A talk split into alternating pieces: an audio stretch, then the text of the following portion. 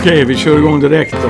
Eh, vi har ju fått en fråga om en blandras. Det var mest, var det mest vakter va? Jag tror det var 75% vaktel och sen 25% delade på, jag tror det var plott och jämte. Det är från Patrik. Eh, vi vill ju ha lite kompletterande uppgifter från honom för vi var inte riktigt med på frågeställningen. Men, men problemet med den här vakten, Patrik går tydligen lite grann på storjakter och han, eh, hans eh, blandras, de är 75% vaktel, har haft en tendens att eh, stanna vid eh, bytesdjuret, eh, kan ragga lite i bytesdjuret och det kanske Patrik är lite jobbigt då när han går på de här storjakterna att att hunden beter sig på det sättet istället för att gå tillbaka och leta nytt vilt. Och undrar vad gör man åt det här? Ja, alltså mm, som jag, jag kan inte riktigt förstå problemet, ärligt talat. Ehm, jag vill inte att mina hundar ska, ska lämna ett vilt som har skjutits för dem för att genast dra iväg och hitta nytt, nytt vilt. Ehm, jag vill, alltså, men det är klart, jag förstår ju problemet. Är det så att han går på storjakter så vill han ju att det ska skjutas vilt för hunden och hunden ska studsa tillbaka så han kan skicka den igen. Risken är ju att hunden inte kommer hela vägen tillbaka till honom utan att den självständigt plockar upp nytt vilt. Och då vet vi inte vilken såt det är i. Så att, eh, eh, och dessutom är det väl en ung hund som jag förstår. Ja, den verkar inte ha varit igång så många säsonger. Och, och jag menar, vi har ju pratat mycket om det här också med, med belöning. Förra gången så pratade vi om att, att vill man ha en hund som, som får fast grisarna i, i upptaget och får dem att stånda så ska man definitivt inte skjuta på, på springgrisar. Och jag känner lite grann som du här att den här vakten, eh, vaktelkorsningen, om den får komma fram och, och nagga lite i, i, efter väl förrättat arbete så är det en typ av belöning. Ja, det är en prägling alltså om inte annat. Men, men alltså eh, man ska inte vara, eh, lite svårt att förstå frågan där, man ska inte vara rädd för att hunden raggar det vilt som har skjutits framför hunden. Eh, det är snarare tvärtom skulle jag påstå. Det, det, mm, det gör hundar. Mm. Alltså, det är inget konstigt och det är inget man, man ska Alltså risken är ju alltså om det nu är så att, att Patrik eh, går emellan här och talar om att du får fan inte bita i viltet som är skjutet framför dig. Det kan ju få motsatt effekt om det är en ung hund alltså. Mm. Är hunden lite känslig och förarvek om man rusar fram och säger Det där var inte bra. Då kan, jag menar, hundar kan ju inte svenska språket. Man kan ju inte säga att det är en hund Du, du, ska, du får gärna jaga det här viltet och driva det hur hårt som helst men du får absolut inte ragga det. Det förstår ju inte hunden. Nej. Utan det är snarare, jag tror att han kan Normalt ta det lugnt. beteende. Och jag menar, sen är det väl en annan sak om hunden vägrar gå därifrån och är bytesmedveten och ska försvara mot alla som kommer i närheten. Men så uppfattar inte jag frågeställningen i det här fallet. Nej, alltså det, jag tycker han ska vara glad för att det skjuts för den här unga hunden. Och när det skjuts så ska han gå dit, säga nu går vi och så går han in i såten och släpper om den. Ja. Eh, då är problemet löst. Eh, med lika glatt humör liksom. Ja, och jag tror inte att någon eh, jägare, någon skytt, även om det är på en storjakt, tycker att det här beteendet är någonting konstigt. Det är ett ganska naturligt hundbeteende. Nej, precis. Men vi har ju fått en annan fråga som har lite med det att göra. Ja, och det var Nobsen, alltså Norrbottenspetsen, som eh, i det här fallet så är frågan, dels är det en valp som har börjat med beteendet att eh, vakta sitt byte eller vakta viltet. Ehm, och då pratar vi valp, men sen är följdfrågan... Frågan är ju helt enkelt hur gör man för att bli av med problemet? Och sen är följdfrågan, kan man rätta till samma typ av problem även på en äldre hund? Ja, jag, jag, jag antar att det är så att den här Norrbottenspetsen som är ung eh, har börjat eh, ja, typ morra då när någon kommer fram då, eh, vakta på det sättet. Eh, och det är ganska lätt fixat om man pratar hundspråk. För att om man börjar kampa med hunden och skrika åt den och sådär, då kan problemet öka. Men om man pratar hundspråk så brukar det funka. Alltså, och det här ska ju hundföraren göra, det ska inte passkytt göra. Men om den här Norrbottenspetsen står och morrar när hundföraren kommer fram. Det hundföraren ska göra är att springa rakt in i hunden springa emot hunden med, med alltså, hård blick, rakt in och bara tvinga hunden bakåt. Hot Va helt enkelt. Hot alltså. fart emot, full fart emot med spänd kropp. Det är hot på hundspråk så att man tvingar hunden bakåt. Bort ifrån det här djuret som hunden vaktar. Och man fortsätter tvinga hunden bakåt tills man känner i hela kroppen att man har fått svar från hunden. Det vill säga hunden säger okej. Okay. Den kryper ihop lite, den sjunker lite grann, den blinkar lite med tungan, öronen fälls bakåt. Ja, man känner ju, hund, som hundförare så känner man ju sin hund. Man ser ju liksom att hunden lägger av kan man säga. Då ska man inte stanna där och säga du är duktig du och ge hunden en köttbulle, för det fattar inte hunden ett skit av. Utan man tvärvänder och går tillbaka, utan ett ord, går tillbaka till det fällda viltet.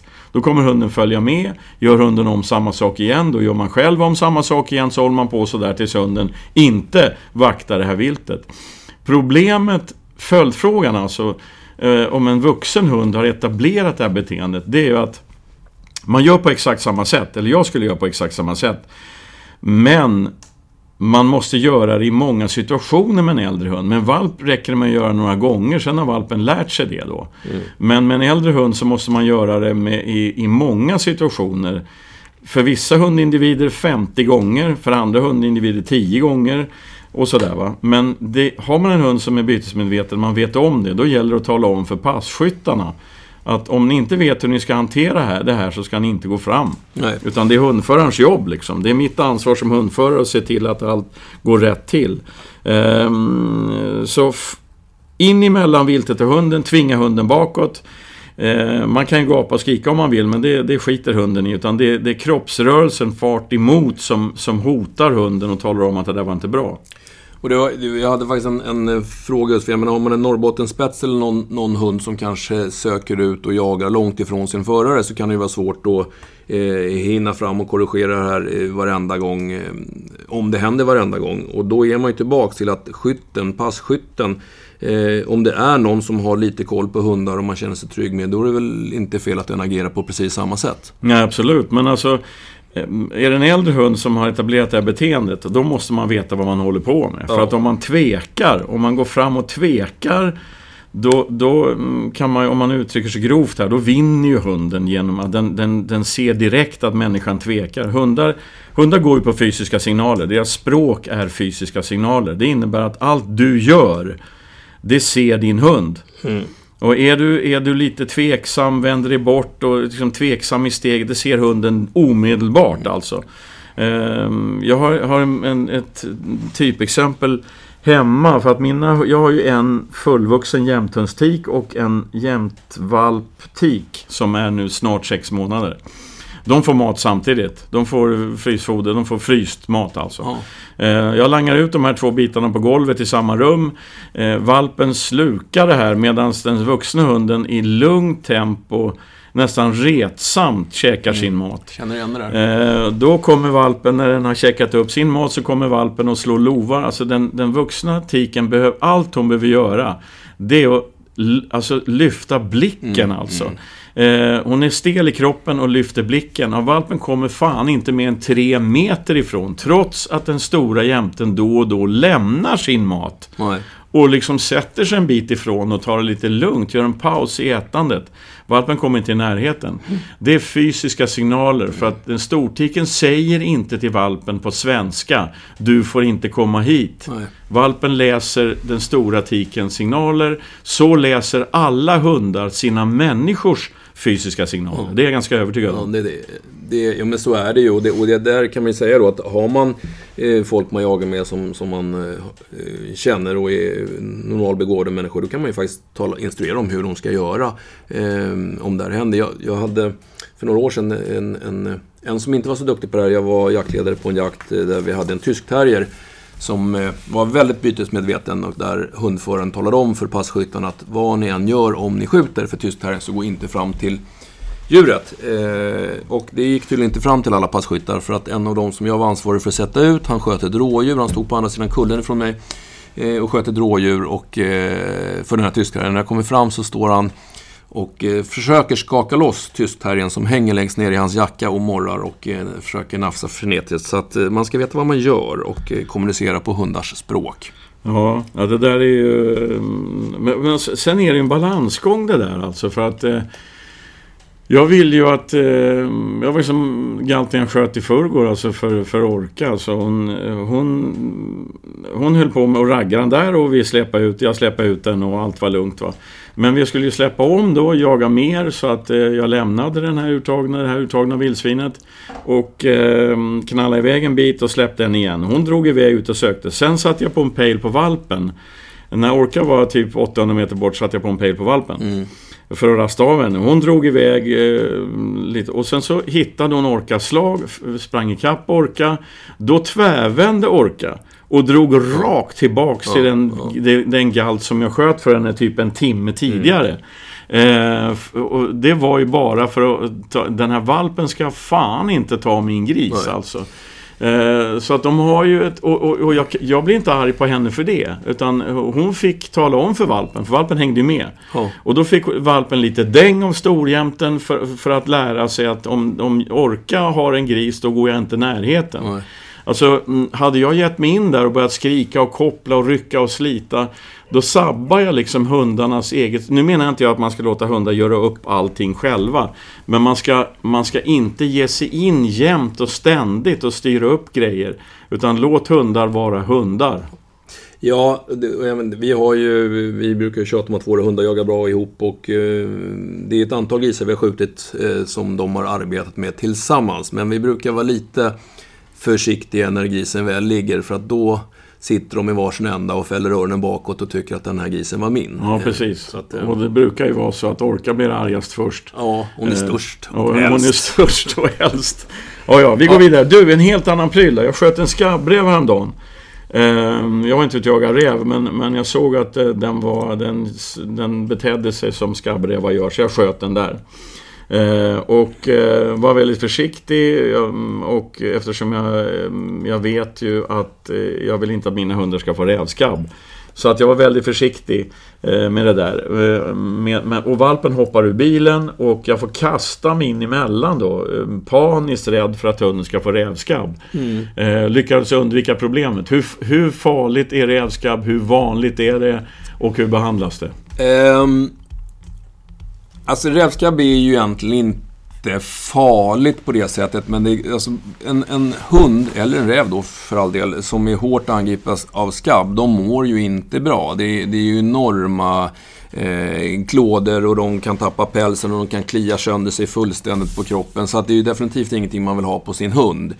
Eh, och det är ganska smittsamt. Eh, du, gjorde- du gjorde ju helt rätt då, för att eh, går, man fram, går hunden fram och biter eller raggar och, och nafsar i en eh, skjuten skabbrev så är det stor risk att den får över några skabbdjur på sig själv. Eh, och sen så, så är cirkusen igång. Men vad, vad är skabbdjur då? Det här som, som parasiter? Alltså, alltså, för jag vet inte...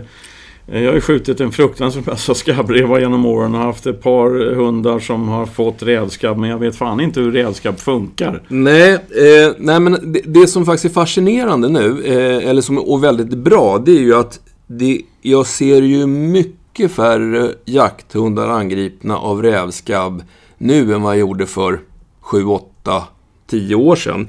Eh, och det där tror jag, eller jag är ganska övertygad om, och det är inte bara jag, utan det är många som säger att vi har ju blivit Eh, väldigt mycket bättre, eller vi använder mer fästingmedel idag. Och eh, även om, om eh, flera av fästingmedlen inte har indikationer som man säger, alltså de är inte avsedda för att motverka rävskabb, så har de eh, även, eh, ja, den mekanismen finns liksom inbyggd. Och eftersom det är som, vi som har jakthundar, nästan alla jag känner som har jakthundar, ger ju någon typ av fästingprofylax, alltså eh, medel som ska motverka fästing.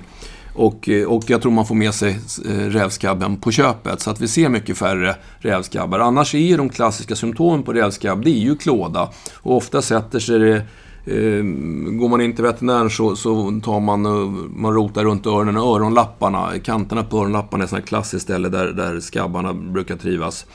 Eh, nu finns det ju bra behandling om man nu drabbas av rävskabb. De är inte alltid så himla lätta att hitta med blotta ögat och man kan skrapa och titta i mikroskop. Det kanske, man kanske inte hittar dem ändå. Man kan ta blodprover för att se om, om kroppen har utvecklat antikroppar mot rävskabb, för då har man haft rävskabb. Men det finns bra behandling om man drabbas, men tack och lov då så är det färre som drabbas. Mycket tack vare eh, de här fästingburna, eller fästingmedicinerna. Men hur funkar, hur funkar skabbdjuren då? Jag menar, vad är, käkar de hud eller? Ja, eh, blod. Eh, så så de, de gräver sig ner. Och det är lite grann som, som med fästingar. Eh, vi har ju flera. Noskvalster, fästingar, rävskabb. Det är ju en, ja, en, en grupp av parasiter kan man väl säga som som alla är lite känsliga för de här medlen som vi ger mot fästingar. Eh, men men eh, de, de lever ju på kroppsmaterial och när det gäller fästingar så är det primärt blod. Jag tror att det är samma sak med rävskabb. Jag vet faktiskt inte helt säkert, men jag kan inte tänka mig någonting annat. Eh, och det behöver de ju helt enkelt för att eh, för hela sin livscykel, för att sen föröka sig. Sen, noskvaster bor ju som man hör på namnet i, i nosen och, och rävskabben bor i huden och fästingarna sitter ju i, i huden. Men, men, eh, så, så det, där är, det här är de, den typen av parasiter. Sen har vi andra parasiter som, som vi faktiskt ska vara lite försiktiga med när det gäller jakthundar. Och det har ju pratats för många år sedan pratades det mycket om de här dvärgbandmasken som eh, man har hittat på några, några ställen i Sverige som eh, eh, som, som då kan gå över till, eh, till våra hundar. Eh, och till oss människor också för den delen. Och sen så har vi eh, lungmask som vi har sett lite fler av på sista tiden. Som helt enkelt är en parasit som, som sätter sig i lungorna. Så att en, vi har haft några stycken nu som har kommit in med, med hosta eller flåsighet, dålig ork, hög andningsfrekvens och som sen har visat sig ha, ha lungmask. Lungmask, nu börjar jag må illa. Ja, det är ja nej, de är inte... Tack och lov också relativt lätt att behandla och man tar eh, man tar avföringsprov på hunden. Man skickar helt enkelt in bajs ifrån hunden och så ser man om det finns eh, eh lungmaskägg i avföringen. För de har en, en sån livscykel. Eller, så att, så att, eh, så, så att eh, en, en del sådana här, jag menar, jag tycker att det är bra med de här fästingprofylaxen. Och som jag sa förut, man får med sig en del annat på köpet som man kanske inte har räknat med. Men, eh, men annars är vi som har hundar som är mycket i skogen, det är lopper och löss. Det är inte så vanligt men, men det hittar vi också, igelkottslopper. Ehm, så att ehm, klåda är en sån här, det är ett eget avsnitt nästan. Men, men en hund som kliar sig frenetiskt mycket, kanske framförallt runt öronen och varit i skogen. Det här är ganska intressant. Alltså våra hundar, vi jagar jättemycket. Hundarna är hur mycket som helst ute i naturen. Alltså, väl, alltså så här års fyra dagar i veckan typ i snitt. Eh, de borde ju vara fullkomligt nersmetade med parasiter och eh, elände. ja, man då. Ja, ehm, och jag, jag, jag, menar, jag vet ju förr om åren när man hade jakthund, när man inte hade fästingmedel, man plockade hur många fästingar som helst efter varje jakt. Mm. Och jag som har haft vaktlar i många år, alltså det, min son var expert på att gå igenom hundarna. Han, han, menar, han kunde ju liksom hitta 15-20 krypande fästingar bara på huvudet på hundarna när de kom hem. Va? Så att, så att eh, det, det har ju... Det är en jättefördel med de här eh, preparaten som vi använder nu. Ja, nej men alltså det, visst det finns väl lite biverkningar med dem men vinsterna är, är väldigt mycket större. Ja, för det är inte kul med, med de fästingburna sjukdomarna. De kan faktiskt bli ganska långrandiga och svåra att bli av med. Så det, det är jag vet jag, jag hade en som vi var tvungna att ta bort i sju års ålder. Ja. Både borrelia och anaplasma samtidigt. Ja, ja. Så att, eh, så, ja ja. Jaha, du började, egentligen började din fråga med, med eh, rävskabb. Ehm, och då vet jag att vi hade en eh, lyssnarfråga på en, eh, en kille som hade en stövare som han ville specialisera på räv. Och eh, ja, bortsett från vad man vill specialisera sin hund på. Det kan vara räv, det kan vara hare, det kan vara vildsvin eller vad sjutton som helst. Men, men frågan var egentligen hur gör man? Hur jobbar man med hunden för att få, i det här fallet, en rävspecialist? Ja, alltså nu ska jag bara säga självklarheter för det är hundraprocentigt logiskt alltså. Det handlar om att prägla. Det handlar om att prägla hunden. Eh, dels handlar det om att eh, man ger förstås det klassiska då att, man, att valpen får hålla på med skinn och, och tassar eller klövar eller vad det nu är för vilt man vill prägla hunden på. Eh, man lägger spår med den vittringen, de lukterna, man bejakar de lukterna på alla möjliga sätt. Alltså använder fantasin, du kan eh, kan överraska hunden med att det ligger en rävtass under hallmattan när hunden går förbi. Och, och, jag menar vad som helst, bara man, man vänjer hunden vid att det här är, det är stor belöning. Bra, bra med just den vittringen. Eh, sen tror jag på att man jagar in hunden med kvalitet. Det vill säga att man försöker man försöker hitta rätt vilt alltså åt hunden så att man, man, eh, man släpper inte en ung hund på, på, på frisök enbart.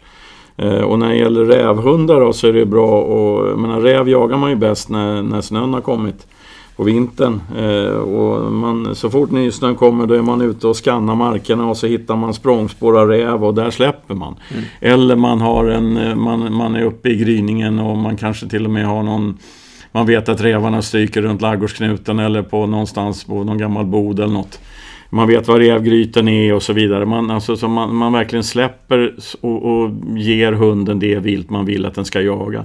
Och, men sen, det här, om jag förstår saken rätt så var det en, blandstövare här. Eh, mest finstövare i om jag, om jag tolkade frågeställaren rätt. Eh, och då är det lite svårt att säga därför att eh, jag tror att när det gäller stövar och rovvilt Ehm, så ska man tänka sig för från vilken uppfödning man hämtar hunden. För det finns ju linjer som är mer intresserade av rovvilt än andra. Mm. Det finns ju har, ehm, harlinjer och, och rovviltslinjer. Så det, det, ska man göra. Och det där är lätt alltså. Ta kontakt med Stövarklubben, leta reda på ehm, inbota rävjägare liksom och, och, och leta den vägen. Det är de två grejerna. Välj rätt valp och prägla hunden rätt och jaga in med kvalitet. Nu är det jäkligt kallt i stugan igen Peter. Vi, jag kör en liten eh, musiksnutt och fyller på ved i kaminen. Ja, det är synd om oss alltså. Jagat hela förmiddagen och sågat vass och sen är det kallt när vi kommer in i huset. Ja, inte alls rättvist.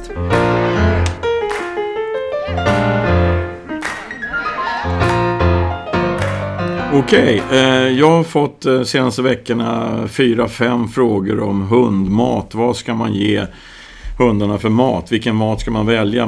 Marknaden, marknaden är ju fullkomligt översållad av, av mm, olika märken och det är reklam hit och dit. Och det är massa kända hundprofiler som säger att min hund är, är jaktchampion och titta vilken mat jag ger den. Ehm, men, och det där, jag själv ger ju mina hundar eh, hundmat som är till största delen baserat på kött. Alltså det är typ 97,5-98% kött i den mat jag ger. Men sen vet jag att det är andra som ger Alltså hela registret ända bort till rena vegankäket liksom för att det ska vara så nyttigt med grönsaker och, och sånt. Um, hur är det? Du kan ju det där. Hur är det? Alltså spannmålsbaserade foder har man, har man hört att eh, det är inte så bra. Det, det går rakt genom magen på hunden och man kan se det genom att Får hunden spannmålsbaserad mat och skiter den kopiösa högar. Får den, får den är det bara kött så är det väldigt lite bajs efter hunden och så vidare. Vad fan är det som gäller egentligen? Ja, eh, det här är ju ett sånt där lite kontroversiellt ämne då. Och jag ska inte på något sätt ut ge mig för att vara näringsexpert eller expert på hundmat. Men, så att det jag säger är ju eh, ja, delvis faktabaserat men, men dessutom mycket som utgår från mitt eget sätt att se på saken. Eh, det man kan konstatera om man ska vara faktabaserad det är ju egentligen att all, Alltså det finns ja, fyra huvudbeståndsdelar då. Det är ju proteiner, kolhydrater, fetter och sen lite mineraler och spårämnen. Som, som, alltså det är det som som eh, foder innehåller. Och sen så kan man då eh, ha olika mängd av ja, de här olika beståndsdelarna. Eh, mitt sätt att se på saker och ting, det är ju lite... Alltså jag gillar ju det här med, med eh, evolution och ursprung. Där. Jag menar, mm, våra hundar härstammar från vargen, det tror de flesta är överens om. Jag tror inte att vargarna var veganer.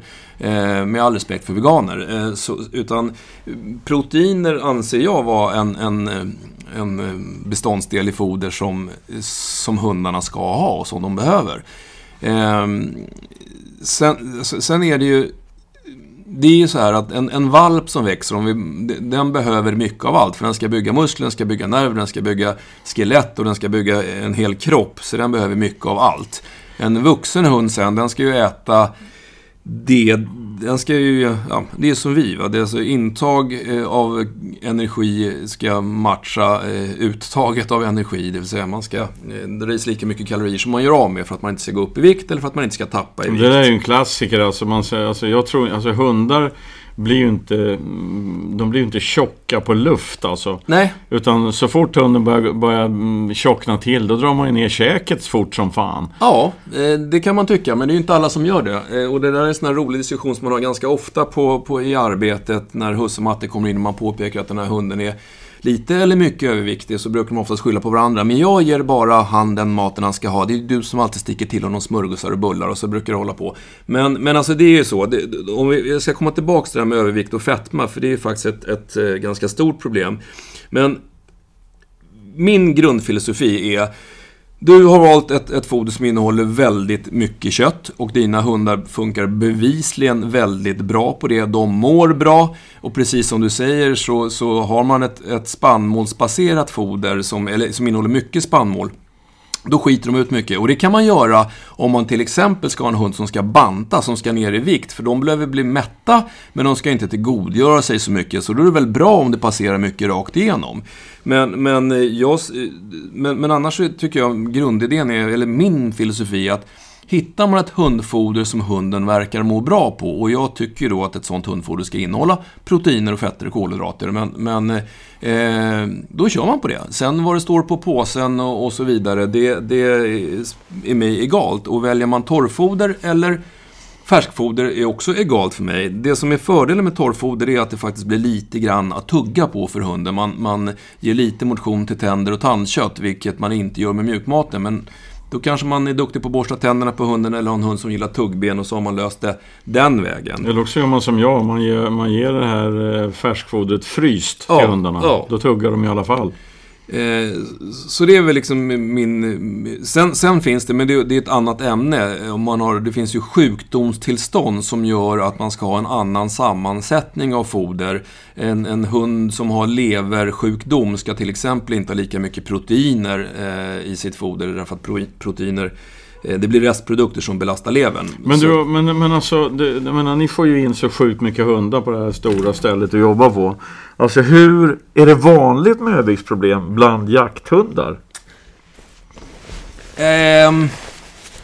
ja, nu, nu är det risk att jag sticker ut hakan lite för långt då, men... men Gör det, li, gör det. Ja, jag sticker ut hakan lite. Eh, jag kan väl säga så här att, att eh,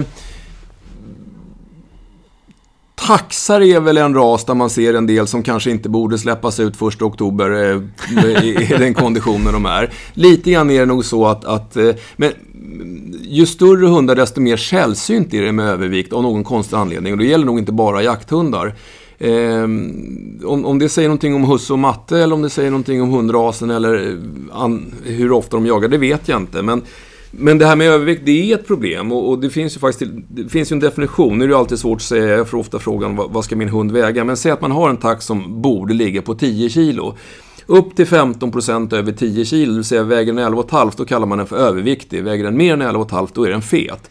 Och fetma hos hund är ju, det, är ju, det står ju ganska ofta i pressen, det har ju blivit ett, ett ökande problem. Och fetma hos hund är ju inte bara jakthundar som, som har problem med det. Ehm, men, men det finns ju väldigt mycket sjukdomar som är klart kopplade till övervikt eller fetma. Och då pratar vi allt ifrån ledproblem därför att kroppen orkar inte... Den är inte byggd för att bära de där extra kilorna så de får artroser och de får ledproblem. De får diabetes, de får hjärt och kärlsjukdomar. Det är precis samma sjukdomspanorama som det är hos, hos människor med övervikt.